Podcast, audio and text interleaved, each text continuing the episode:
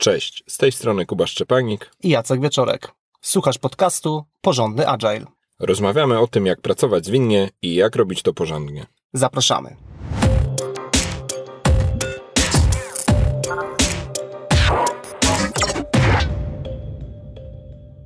Jakiś czas temu w trakcie wspólnego szkolenia mm, mieliśmy taką dłuższą dyskusję na temat tego, jak usprawniać proces, jak dobrze realizować Scrama, jak e, w dobry sposób pracować e, zwinnie. I taka refleksja, która nas e, wspólnie z Jackiem po wszystkim naszła i którą chcemy się podzielić w ramach tego odcinka, to to, że dostrzegamy bardzo duże skupienie na tej stronie optymalnego procesu, optymalnego sposobu pracy, optymalnego sposobu funkcjonowania w sposób zwinny, jeśli chodzi o przestrzeganie pewnych reguł, a za mało skupienia, czy za mało uwagi na tą stronę produktową. Mówiąc w skrócie, dużo uwagi idzie na to, czy pracujemy we właściwy sposób, a nie na to, czy robimy właściwe rzeczy. I generalnie, jakby, jakbym tak się miał zastanowić, jakie pytania słyszę najczęściej, to zwykle są to pytania, które bardzo mocno skupiają się na samym procesie wytwarzania, natomiast mało pytań, bądź w ogóle te pytania się nie pojawiają, dotyczy tego, czy tak naprawdę sensownie wykorzystujemy na przykład Scrama czy podejście zwinne do budowania właściwych produktów. Tej rozmowy nie ma, myślę, że, że powodów jest wiele i nie chciałbym teraz w nie wchodzić. Natomiast w dzisiejszym odcinku chcielibyśmy skupić się e, na tym, jak sensownie wykorzystać e, proces, ale tak, żeby nie zgubić tego, co jest, e, co dostarczamy przy użyciu tego procesu, czyli właściwego produktu. Ale w pierwszej części odcinka y, opowiemy trochę, co mamy na myśli, gdy, my, gdy mówimy, że nadmiernie skupiamy się na procesie. E, zwłaszcza Scrum Master może czuć, że no w zasadzie cała, cały sens istnienia jego roli to jest, żeby zespół nauczył się Scrama, żeby go przestrzegał, żeby w sposób zwinny e, cała tutaj e, grupa produktowa pracowała. No, problemy czy, czy przykłady tego, co mamy na myśli, że, że tu jest za dużo uwagi na proces, to na przykład nadmierne skupienie się na velocity. Mnóstwo e, osób patrzy na miary procesowe, miary wynikające z procesu pracy takie bardziej generyczne, albo miary procesowe wynikające z e, już konkretnie praktyk e, wokół Scrama czy w Scrum Guide zawartych. No i na przykład velocity zespołu staje się jedną z rzeczy, która jest omawiana na każdym sprint review, analizowana na każdej retrospektywie i gdzieś tam cała gra skupiona wokół tego, czy na wykresie się wszystko dobrze poukładało, czy te story pointy się dobrze ułożyły w jakiś trend, a może trend jest gorszy, a może trend jest lepszy i okej, okay, fajnie jest o tym porozmawiać, natomiast e, niech to nie będzie sztuką dla sztuki, czy i jak nam się buduje wykres. Inny przykład e, takiej miary może być miara mówiąca o przewidywalności zespołu deweloperskiego, czyli stosunek tej ilości story pointów, którą zespół zaplanował czy zaprognozował na planowaniu w stosunku do tego, co udało się dostarczyć. Jakby co do zasady, w pewnych firmach, dla pewnych zespołów obserwowanie tej miary może być sensowne, natomiast zbytne skupianie się na tym, żeby tam się zawsze sumowało do 100%, może spowodować, że e, no, położymy akcent e, nie na to miejsce, na które byśmy chcieli. Podobnym problemem, czy podobnym przykładem skupienia się na procesie jest to, co, to, co już wspomniałem o roli Scrum Mastera, czyli jakieś takie zafiksowanie się, czy, czy, czy zbytnie skupianie się na tym, czy na pewno jesteśmy zgodni ze Scrumem, czy super przestrzegamy Scrum Guide'a, no i tutaj e, jakby e, no mogą być takie ekstremalne przypadki, ale spotykałem je w życiu, że na przykład product owner e, odkrywa jakąś nową, ważną okazję, która może wpływać na to, jak zespół może pracować. Może to jest jakieś nowe odkrycie interesariuszy, może jakiś użytkownik coś podpowiedział, a Scrum Master mówi, nie, nie mam możliwości wpływania na zespół, nie możemy z nimi rozmawiać, do zobaczenia na następnym planowaniu sprintu, czyli gdzieś tam nad wartość biznesową przedkładamy to, że musimy wypełniać w każdym możliwym przypadku, włącznie z jakimiś rzadkimi, kryzysowymi sytuacjami, musimy przestrzegać tego, jak my rozumiemy czy interpretujemy Scrama. No i to w szczególności osoby, które E, nie do końca są fanami zmian toczących się w firmie, czy, czy samego tutaj konkretnie frameworka, e, no bardzo łatwo myślę mogą też to wypunktować, że tak naprawdę dyskusja toczy się o tym, czy to jest e, książkowy Scrum, e, czy może jakiegoś aspektu Scruma nie wypełniamy, a tak naprawdę nie to jest najważniejsze w obliczu tego, czy dostarczamy wartość dla naszych klientów, czy nie. No i obracając to, nie jeden Scrum Master z zadowoleniem stwierdzi, mam absolutnie czystego Scruma, mhm. a zespół dostarcza kiszkę, absolutnie nie korzysta z tego, żeby, nie wiem, powiększać wartość, eksperymentować, kreatywnie rozwiązywać problemy biznesowe, no to może się nie dziać, nawet jeśli mamy czystego skrama, to znaczy ten czysty skram, cokolwiek to znaczy, nie załatwia nam tematu tego, czy maksymalizujemy wartość. Inny przykład tego, co chcemy dzisiaj uchwycić w odcinku, jest taka przesadna zgodność proceduralna, bądź zgodność z pewnymi ustaleniami, bądź sposobem, w jakie firmy funkcjonują. Przykład, który mi tutaj przychodzi do głowy, to na przykład y, sposób y, planowania rozwoju produktu, czyli tworzymy e, roadmapę, jakąś taką, e, jakieś takie kolejne kroki, jak będziemy rozwijać produkt. E, no i to, że ten plan został potwierdzony, zaakceptowany, powoduje, że zaczynamy bardziej skupiać się na tym, żeby używać naszego sposobu pracy, żeby zrealizować tą założoną roadmapę, przez co trochę tracimy czujność na to, że być może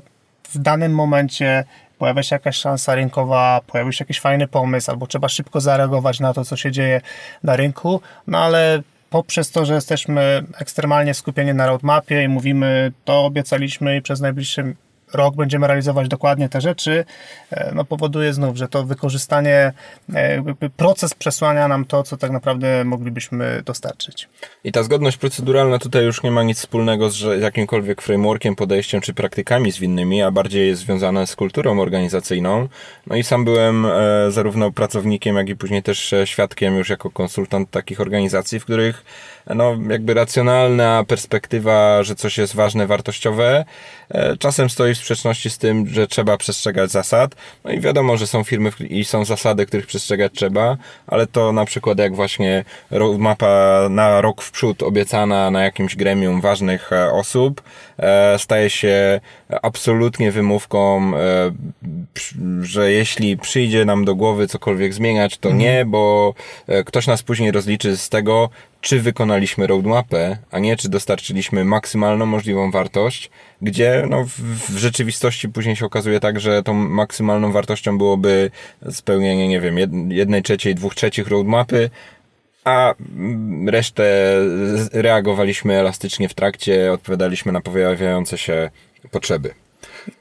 Takim domykającym przykładem jest przykład, y, gdzie zespół czy cała organizacja skupia się ekstremalnie na usprawnieniach procesowych, co oczywiście jakby co do zasady jest bardzo sensownym podejściem, ale znów to skupienie na usprawnianiu procesu powoduje, że to co dostarczamy tym procesem schodzi na drugi plan i bardzo fajnie, że zespół się usprawnia, zwiększa się efektywność, całe marnotrawstwo, które zespół jest w stanie zidentyfikować jest usuwane. E, natomiast e, no, w tym wszystkim poprzez to ekstremalne skupienie na procesie ginie nam produkt. No i rezultaty nie są tak, jakbyśmy chcieli. I to jest bardzo ważny temat, e, zwłaszcza przestroga na przykład na retrospektywy. Może się okazać, że takie polerowanie naszego procesu pracy jako zespół. No ma już swoje,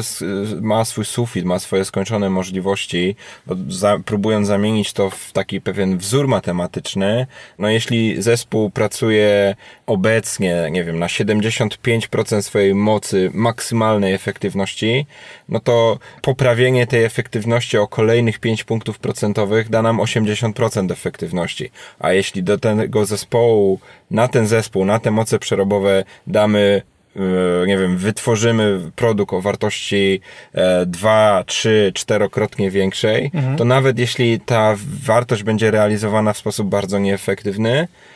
to i tak będzie wyższa niż e, słaba wartość realizowana przez bardzo efektywny zespół. I to e, bardzo mocno wiąże się z myślą, która jest e, promowana między innymi przez e, Donalda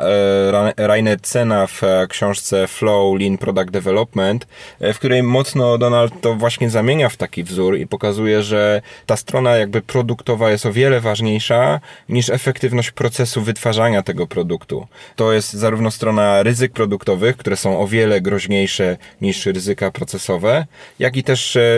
takie korzyści z wytworzenia właściwego produktu są niebo większe i warto w nie inwestować, niż korzyści z tego, że robimy byle jaki produkt, ale w bardzo słaby sposób.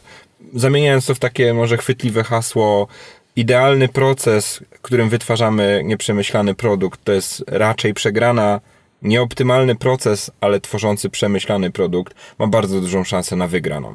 I ta myśl generalnie ona ze mną mocno rezonuje, bo to mm, ja to czytam jako takie podejście zacznij robić e, właściwe rzeczy, nawet jeśli czujesz, że nie jesteś jakoś e, perfekcyjnie przygotowany. Nie czekaj na to, aż wszystko będzie e, świetnie opracowane i zapięte na ostatni guzik, tylko raczej zrób pierwszy krok, zobaczysz, czy te Twoje założenia funkcjonują, zrób kolejny krok, czegoś się nauczysz, usprawni proces, kolejny krok, zobacz, co działa, co nie działa, zoptymalizuj, e, czyli raczej zacznij z tym, co masz, tak trochę kanbanowo, niż e, perfekcyjnie się przygotuj przez pół roku i wystartuj, no bo znów może być taka sytuacja, że pół roku wielkich przygotowań, wpuszczamy nasz produkt na rynek, okazuje się, że właściwie nikt tego produktu nie chce kupić, no i pół roku tak naprawdę poszło do piachu. Jak to teraz powiedziałeś, to mi się momentalnie przypomniało rozterki, które się działy w jednej z firm, w której kiedyś pracowałem, że no Agile fajnie, ale jeszcze lepiej byłoby Agile robić, gdybyśmy mieli pełne środowisko continuous integration, continuous mhm. deployment, pokrycie testami w 100%, przebudowaną architekturę na nowe sposoby, przygotowane zespoły, super idealnie, wszystko funkcjonujące. I tam był jakby taki argument, odroczmy pracę w sposób zwinny, bo nasz proces jest jeszcze nieoptymalny. No i to jest dokładnie hasło z tego odcinka. Być może naprawdę nie trzeba mieć optymalnego procesu, bo o wiele więcej efektu uzyskamy robiąc właściwe rzeczy, dostarczając je iteracyjnie przyrostowo, robiąc eksperymenty, skupiając się na wartości, nawet jeśli nasz proces trąca myszką i przypomina rozwiązania z XX wieku. W dalszej części odcinka chcielibyśmy zaproponować Ci kilka pomysłów na to, jak y, przełożyć więcej ciężaru na tą stronę, jak robić właściwe rzeczy, jednocześnie pozostając w takim y, sposobie myślenia, że proces jest ważny, ale jednak, żeby trochę więcej tego produktu było na pierwszym miejscu. I pierwszą naszą rekomendacją jest y, zapoznanie się, a oczywiście najlepiej w praktyce, zastosowanie e, podejścia Product Discovery. O Product Discovery mówiliśmy dosyć, e, w dosyć rozległy sposób w odcinku 10, gdzie wprowadziliśmy to pojęcie, pokazaliśmy czym jest. Natomiast no, jakby ta, ta, ta myśl, żeby skierować swoje zainteresowanie w stronę Product Discovery, no była dla nas takim pierwszym intuicyjnym krokiem. Z tego powodu, że Product Discovery główny nacisk kładzie oczywiście na produkt, ale przede wszystkim na to, że dajemy sobie bardzo dużą przestrzeń na zweryfikowanie, czy aby nasze pomysły, idee i, i jakieś nasze przewidywania rynkowe, czy one faktycznie e, mają sens. Tak więc, e, gdybym miał zarekomendować e, komuś, kto chce trochę wyjść z tego poziomu polerowania procesu i zastanowić się, czy aby na pewno robi właściwy produkt, no to Product Discovery wydaje mi się takim bardzo sensownym pierwszym krokiem, żeby wejść w ten bardzo rozległy świat produktowy. I dosyć powiązane z Product Discovery jest to, że jak e, rozmawiam z kimś o w ogóle, czy konkretnie całym podejściu, czy jakimś e, technikach z tego całego nurtu związanego z tym odkrywaniem produktu, czy potrzeb użytkownika, e, klienta i tak dalej, i tak dalej, to jest taka myśl, nie, no to, nie wiem, to kosztuje, to zajmuje czas, to jest, zajmuje czas mhm. zespołowi, to my wiemy dobrze, co trzeba robić, czyli taka perspektywa, szkoda marnować kasę na to, szkoda marnować czasu, szkoda marnować mocy przerobowej zespołu na takie czynności, zacznijmy po prostu dostarczać e, zgodnie z pierwszym pomysłem, Mhm. I tutaj jest bardzo mocno powiązane z taką moją może autorską obserwacją, że o wiele łatwiej optymalizuje się stronę kosztową niż stronę przychodową. Jeśli mamy takiego klasycznego business case'a, no to on ma stronę kosztów, wszystkie koszty, które są potrzebne do tego, żeby e, wytworzyć produkt, przygotować jakieś rozwiązanie oraz e, stronę przychodową, czy to są jakieś oszczędności, które te, to coś wygeneruje, to są jakieś nowe przychody, nowi klienci, jakieś inne wartości, może mniej mierzalne, związane z bezpieczeństwem, z jakimś, jakąś, nie wiem, e, komfortem użytkowania naszego produktu.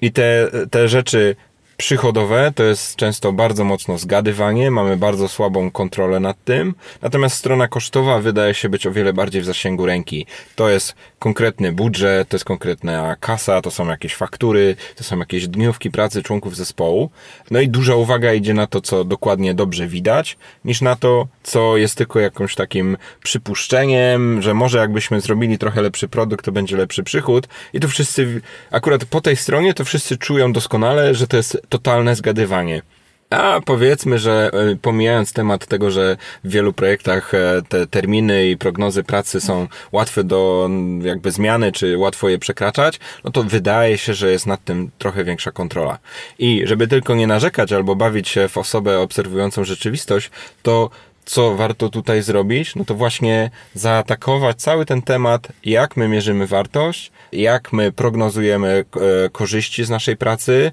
i coś, co jest często bardzo nieoczywiste z perspektywy poszczególnych zespołów projektowych, to jak tu wygląda na przykład temat przychodów z tej naszej pracy, czyli na przykład ile zarobimy na tym, co wytworzymy, ile nasza firma zarobi na tym, mhm. co wytwarzamy w ramach danego zespołu projektowego, czy w ramach danego produktu. I jeśli w ramach naszych e, analiz, prac, e, czy usprawniania procesu skupimy się na tym, jakie są KPI, miary, e, jak można je przyspieszyć, jak można je zintensyfikować, to może się okazać, że bardzo mocno otworzą nam się oczy i w ogóle zaczniemy rozmawiać językiem tych właśnie korzyści biznesowych i szukać optymalizacji jak tu szybciej, wcześniej mhm. i jak lepiej, więcej dostarczyć tej wartości biznesowej. I jeśli będziemy umieć e, regularnie powoływać się na tą stronę, to często w ramach jakichś takich, czy wewnętrznych dyskusji w zespole, czy w dyskusjach, nie wiem, wewnątrz organizacji, pomiędzy zespołami, no, stajemy w ogóle w awangardzie osób, które myślą o biznesie, a nie o tym, jak tu oszczędzić parę kosztów. Co wraca do na przykład Product Discovery. Możemy poświęcić tydzień warsztatu na, jakąś, na jakieś techniki z tego nurtu, później konsekwentnie, iteracyjnie rozwijać nasz produkt, korzystać z tych rozwiązań i nie przejmować się, że 90% czasu y, zajmujemy się e, czymś innym niż e, stricte realizacja z góry założonego zakresu, bo jak już przyjdzie czas, że realizujemy ten zakres, który już wymyśliliśmy czy odkryliśmy, to to jest po prostu wysoka wartość, czy najwyższa możliwa wartość. To jest ciągłe dostarczanie wartości.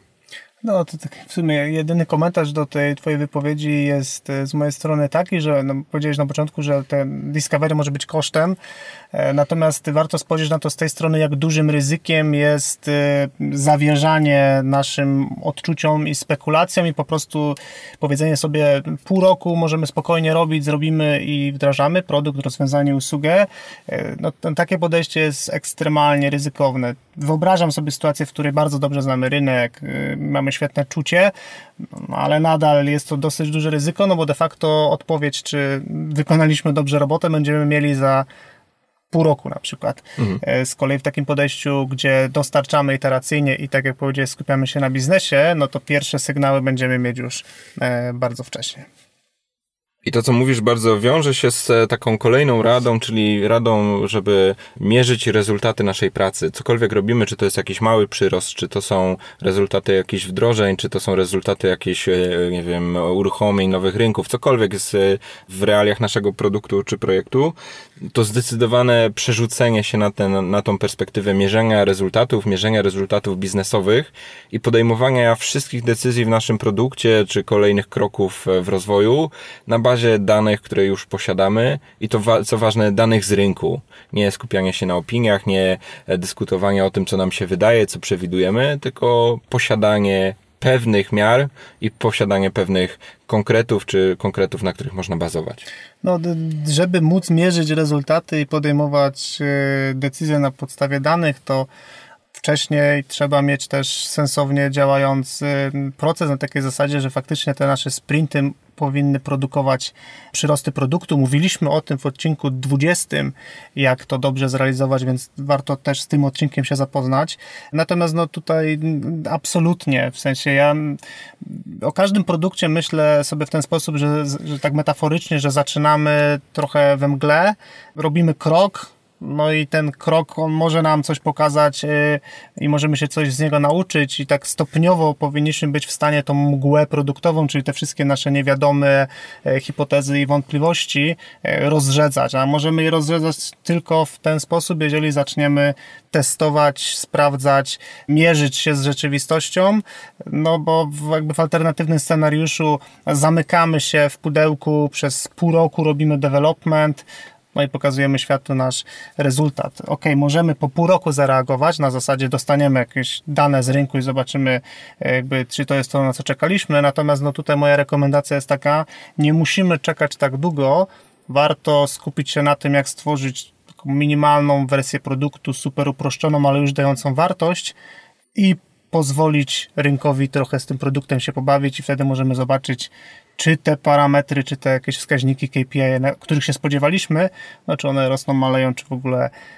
produkt rezonuje z, z użytkownikiem. I zamieniając to na taką bardzo konkretną poradę, jeśli czujesz, że w swoim zespole aktualnie tych e, miar nie masz e, albo nie macie jako, jako cała organizacja, poszukaj chociaż jednej miary, takiej bardzo prostej, e, wprowadźcie to, co sprint review warto patrzeć przede wszystkim właśnie na taką miarę, jak performuje nasz produkt, jak, e, jak się sprzedaje, jak, jak go widzą nasi klienci, a nie wracając do przykładów z początku odcinka, jak nam się układa velocity. To jest wtórne, to jest super wewnętrzna miara, a to jak nam się sprzedaje produkt, jaka jest wartość, jest ważną miarą biznesową i może być bardzo ważną inspiracją do dalszych działań. Tak, to, to koment, jeden komentarz. Pracując kiedyś z zespołem, stawiałem za każdym razem kreskę, uczestniczyłem w przeglądzie sprintu, stawiałem za każdym razem kreskę, kiedy mówili o rzeczach absolutnie technicznych i pod spodem miałem przestrzeń na stawianie kresek, kiedy mówili o aspektach biznesowych. Na koniec spotkania miałem kilkanaście kresek technicznych i właściwie żadnej kreski biznesowej i bardzo podobny test możesz sobie zrobić na najbliższym przeglądzie, jak często podczas przeglądu sprintu, czy ogólnie przeglądu produktu rozmowa toczy się o tym, że ale zobaczcie, popatrzmy na wskaźniki, zobaczmy jaki był rezultat, e, zrobiliśmy ankietę i co z niej wyniknęło. Jak bardzo to jest rozmowa na bazie danych, a jak bardzo to jest dyskusja na zasadzie taki jest plan, jak widzicie, idziemy w dobrą stronę, velocity skoczyło o 2%, a przewidywalny spadł o 4%, ale mamy to pod kontrolą. Zachęcam do szybkiego quizu przy najbliższej okazji. To idąc tym tropem konkretnych porad, e, co można zrobić, jeśli e, nasze dotychczasowe argumenty Cię przekonały, to e, kolejny punkt, mocne skupienie się w swojej roli na pracy z product ownerem i pracy z klientem, jeśli jest to wykonalne w, w Twoim kontekście czy w Twoich realiach. No to jest takie hasło, zwłaszcza właściwe dla osób, które pełnią rolę Scrum Mastera, czy też Agile Coacha. Czasem dużo uwagi idzie na zespół, na sposób pracy zespołu, a ten product owner tak po prostu sobie gdzieś tam jest, e, wykonuje rolę, wykonuje pracę właściciela produktu, jest sobie jakiś tam backlog, ale no jest. No, w myśl tej koncepcji z tego odcinka dużo większe rezultaty da to, że poprawimy naszą relację z product ownerem, poprawimy sposób wykonywania pracy w tej roli tej osoby i nauczymy, czy, czy jakby zainspirujemy tą osobę do tej pracy zgodnie z tym, co w ramach tego odcinka nagrywamy. Bardzo mnie często zaskakuje reakcja zespołów, kiedy rozmawiając z nimi właśnie o takim przesunięciu się trochę bardziej w stronę rynku konkretnych danych czy klienta. Pytam się, jak często mają szansę doświadczyć interakcji z prawdziwym użytkownikiem. I często reakcja jest taka, że, że w życiu to jest niemożliwe, my jesteśmy za daleko, a w ogóle kto by pomyślał, przecież my nie możemy takich rzeczy na takim wczesnym etapie pokazywać, bo co oni pomyślą. Jakby to nie musi być taki e, drastyczny skok na główkę z 15 metrów. E, to mogą być małe kroki. Możemy pokazywać e, kawałki naszego produktu naszym e, najbardziej zaufanym klientom, osobom, które są z firmą bardzo długo. Można wydzielić jakąś taką mniejszą, e, zaufaną grupę osób, które już teraz być może dzielą się swoimi obserwacjami na temat produktu, wysyłając jakieś zgłoszenia na, na customer service czy pisząc maile, bardzo łatwo na bazie moich doświadczeń jest taką osobę wciągnąć trochę bardziej, żeby zyskać jakiś wartościowy feedback i wcale to nie jest tak nierealne, jak y, niektórym osobom się wydaje, że gdzie ten, gdzie ten klient jest taki trochę wyidealizowany i nie możemy chociaż przez chwilę mu pokazać, że jesteśmy nieperfekcyjni, bo on przestanie kupować nasze produkty. Jakby absolutnie się nie zgadzam y, z taką hipotezą. Idąc dalej tropem podpowiedzi co do y, jakby skupienia się na rzeczach e, zgodnych z e, ideą tego odcinka, no to warto zwrócić uwagę na backlog produktu. I tutaj pod, podpowiedź nasza to to, żeby nie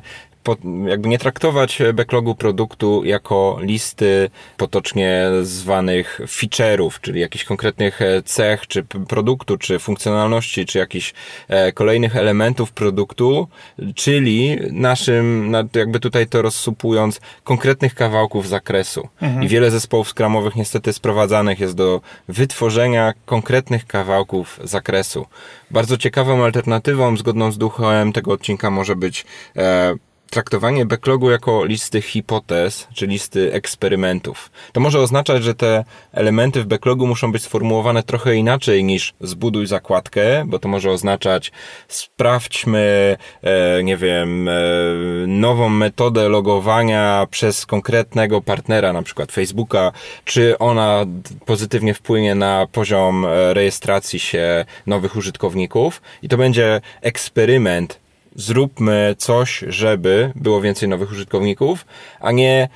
podłączyć logowanie przez Facebooka, bo to jest z góry zamknięty, z góry zamknięty zakres, który kompletnie nie ustawia nas w tej roli eksperymentatorów. I na początku te eksperymenty pewnie nie będą przesadnie odważne, ale jeśli wejdzie nam w krew ciągłe zgłębianie, co tak naprawdę chcemy sprawdzić, jaką mamy hipotezę, e, co nam się wydaje, że trzeba zrobić, albo jaki problem jest w ogóle do rozwiązania, to może się okazać, że co prawda ten backlog będzie o wiele bardziej taki otwarty, ale jednocześnie zostawia mnóstwo przestrzeni na to, żeby właśnie mówić o tym, jakie wartości mamy dostarczać, a nie który kawałek zakresu mhm. zgodnie z wyceną ma być zrealizowany w najbliższym sprincie.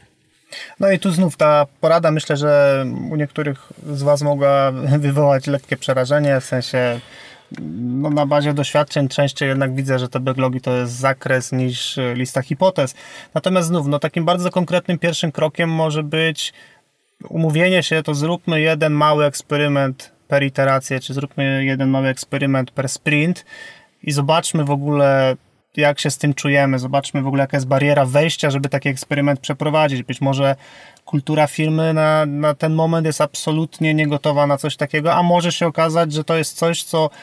otoczenie menedżerskie podświadomie oczekuje od zespołów, że chcieliby, żeby byli tacy proaktywni, ale to się nigdy nie zadziało i to może być fajne, fajne zaskoczenie i być może znajdziecie partnerów, którzy zaczną Was wspierać w takim podejściu, więc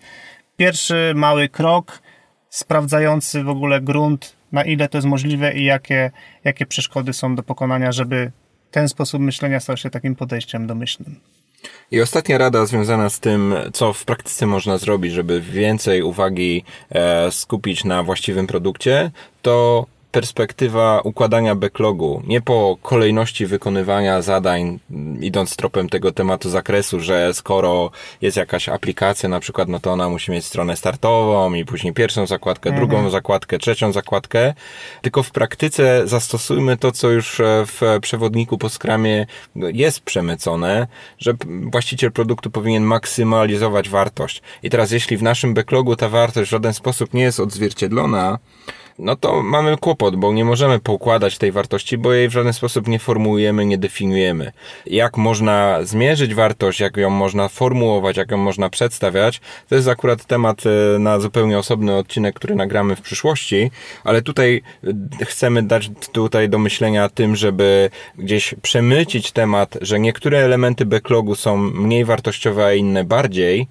i jak najbardziej forsować to, żeby w pierwszym kroku realizowane były te elementy, czy te hipotezy, czy te eksperymenty, które na ten moment przewidujemy, że będą bardziej wartościowe. No i ten sposób, który powiedziałeś, czyli że zaczynamy od strony logowania, pierwsza, druga, trzecia zakładka, absolutnie blokuje możliwość podejmowania decyzji co do release'u produktu w zależności od naszego, nazwijmy to, widzimy się, w sensie, jeżeli przyjdzie taki dzień, że product owner czy właściciel biznesowy będzie chciał powiedzieć, dobra, startujmy, no to może się okazać, że mamy trzy kroki z pięciu w procesie zrobione, no i to powoduje, że proces po prostu cały nie działa. E, gdyby podejść do tego e, myśląc o wartości, to byśmy być może zrobili, trzymając się Twojej metafory, po najważniejszym, po najważniejszej funkcjonalności w każdej zakładce, co już by pozwoliło przejść przez cały proces użytkownikowi, mhm. no czyli jakby w założeniu rozwiązałoby to jakiś jego problem. I to takie podejście można zastosować jakby niezależnie, czy, czy pracujemy w Scrumie, czy po prostu pracujemy zwinnie nad jakimś produktem. I gdy coś takiego sugeruję w zespołach, to od razu słyszę pierwszą wymówkę, bo nie mogę tego traktować inaczej niż wymówkę, że no ale skąd my będziemy wiedzieć, co jest wartościowe, a co nie. Oddzielny temat oczywiście, e, są dziesiątki metod na to, żeby to spróbować zbadać, sprawdzić e, czy, czy potestować, ale e, w ramach tutaj no, tej rozmowy ja bym chciał może o wiele bardziej podkreślić to, że oczywiście nie będziemy wiedzieć na 100%, to są tylko pewne założenia, przypuszczenia, ale te założenia są lepsze niż nic, są lepsze najwyżej w efekcie eksperymentu. Się dowiemy, że na przykład przypuszczaliśmy, że jakaś cecha produktu będzie wartościowa, a rynek uważa trochę inaczej i mamy przynajmniej jakąś nową wiedzę. Okazuje się, że sortowanie po nagłówkach nasi klienci nie cenią tak wysoko i w przyszłości, gdy będziemy rozwijać nasz produkt, powinniśmy pamiętać o tej lekcji, że w żaden sposób sprzedaż naszego produktu nie wzrosła, mimo że na naszych listach nagłówki dają się sortować. I podsumowując cały odcinek, e, takie hasło ostatnie jest takie, że zachęcamy do tego, żeby jakby wyluzować, tak potocznie nazywając, z optymalnym procesem a o wiele mocniej skupić się na tym, żeby pomimo odrobiny chaosu lub nieefektywności w procesie, maksymalizować realizację właściwych rzeczy. A podsumowując konkretne rady, które chcieliśmy przekazać w tym odcinku, zachęcamy Ciebie do e, wrócenia do e, materiału z dziesiątego odcinka e, na temat Product Discovery. Zachęcamy do tego, żeby zwrócić uwagę na to, czy w, w ramach Twojego zespołu patrzycie na stronę przychodową Waszego produktu, czy wartość biznesową Waszego produktu. Mierzcie rezultaty, skupiajcie się na rezultatach co iterację, co przyrost i kolejne decyzje na tej bazie podejmujcie. Skup się jako Scrum Master czy Agile Coach na tym, żeby popracować z product ownerem, żeby zdobyć kontakt do klienta i zaprosić tego klienta do pracy z zespołem. Zamieńcie swój backlog na listę hipotez i eksperymentów i zacznijcie na tej bazie o wiele odważniej kontestować zlecany wam zakres e, przez e, kogokolwiek, kto może wam zlecać i zwróćcie uwagę, czy wasz backlog realnie poukładany jest po wartości i maksymalizujcie tą wartość biznesową. Jeżeli tematy, które poruszamy w podcaście wydają Ci się interesujące i chciałbyś bądź chciałabyś pogłębić te zagadnienia w praktyce, to szykujemy bardzo ciekawą opcję, mianowicie 7 i 8 listopada spotkamy się w Poznaniu na szkoleniu, które nazwaliśmy Porządny Agile. Będzie to szkolenie, podczas którego chcemy bardzo głęboko zanurkować z Tobą e, w meandry zwinności, podyskutować na zaawansowanym poziomie o tematach, które poruszamy e, w podcaście. I jeżeli ta krótka zajawka jest dla Ciebie interesująca, to zapraszam Cię na stronę porządnyagile.pl łamane szkolenie. I to by było wszystko na dzisiaj. Dzięki Jacek. Dzięki Kuba. Do zobaczenia wkrótce.